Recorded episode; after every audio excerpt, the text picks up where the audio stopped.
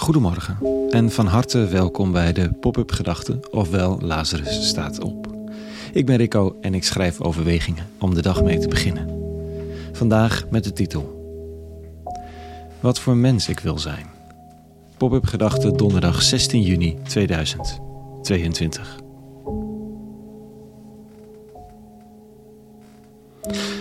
Wat voor mens ik wil zijn. Nou, niet alleen ik hier niet de plek om je omstandig uit de doeken te doen wat voor mens ik nou precies zou willen zijn. Het is deze vraag zelf, wat voor mens ik wil zijn, die interessant is en die me geholpen heeft. Deze vraag had ik graag eerder tegen willen komen. Maar het duurde even, ergens tot in mijn studententijd. Het is een vraag die een alternatief moet vormen voor de vraag: wat is goed en wat is fout? Het is een alternatief voor de gewetenswroeging van een religieus opgevoede puber, die niet goed weet of het hem allemaal gaat lukken om zich aan al die ideaalgeboden te houden, die expliciet of impliciet zijn meegegeven. De vraag wat voor mens wil ik zijn, heeft een groeimodel in zich. In plaats van de fameuze weegschaal waar goede daden moeten opwegen tegen slechte daden.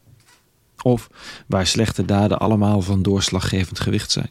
Tenzij ze met wroeging in het hart aan God of de priester voorgelegd worden en er vergeving voor ontvangen is. De vraag, wat voor mens wil ik zijn, is de vraag die de checklist, de, drijvers, de slavendrijversmentaliteit, de geboden waar je nou eenmaal aan moet voldoen voor jezelf kunt beginnen te leven, overboord kiepert. En waar de vraag naar je wil uitspreekt. De vraag naar je ziel. Met vertrouwen want in die ziel huist al lang het verlangen om een goed mens te zijn. Ik ben geloof ik niet van de school dat alle mensen goed worden geboren, of alle mensen ten, alleen maar goed, of alle mensen ten diepste alleen maar goede mensen zijn. Ik denk ook niet dat dit vast te stellen, nog te ontkennen is. Wat goed deels bewezen kan worden, is het verlangen van de mens om een goed mens te zijn. Tenminste in eigen ogen. Vandaar dat we altijd verhalen verzinnen, waar we ondanks ons falen toch best goed van afkomen omdat we niet zo makkelijk kunnen leven met dat we in onze eigen ogen slechte mensen zouden zijn. Denk ik. Kortom, wat voor mens wil ik zijn? Deze herformulering van de manier waarop je naar jezelf kunt kijken is extra belangrijk bij het lezen van de tekst van vandaag. Als die namelijk gelezen wordt vanuit de weegschaalmethode of vanuit een ruksigloze gebodsethiek, dan is die tekst snoeihard en ongenadig. Dat kan natuurlijk, maar zo ken ik de Bijbelsteksten door de bank genomen niet. Jezus leert vandaag zijn leerlingen bidden. Een eenvoudig onze vader gebedje dat eindigt met en vergeef ons onze schulden zoals wij vergeven hebben aan onze schuldenaren. En leid ons niet in bekoring, maar behoed ons voor het kwaad. Maar volgens Matthäus dan meteen twee verklarende, dan wel onderstrepende zinnen opvolgen. En die luiden zo. Want als gij aan de mensen hun fouten vergeeft, zal uw hemelse Vader ook u vergeven. Maar als u niet vergeeft aan de mensen, zal ook uw hemelse Vader uw fouten niet vergeven. Ai, daar zit je dan met dat ene verschrikkelijke wat je is aangedaan. Of moet je denken aan die ander, die je echt niet kunt vragen om haar broer, vader, moeder, leraar, dominee, priester of aanrander te vergeven. Dat gaat gewoon niet. Als dit een absoluut gebod zou zijn, zoals ik het bijna automatisch lees, dan is vergeving voor mij onmogelijk als ik niet alles en iedereen ten alle tijden vergeef. Maar als het gaat om wat voor mens ik wil zijn, om deugdethiek, om grote lijnen, om verlangen, dan snap ik de zin weer.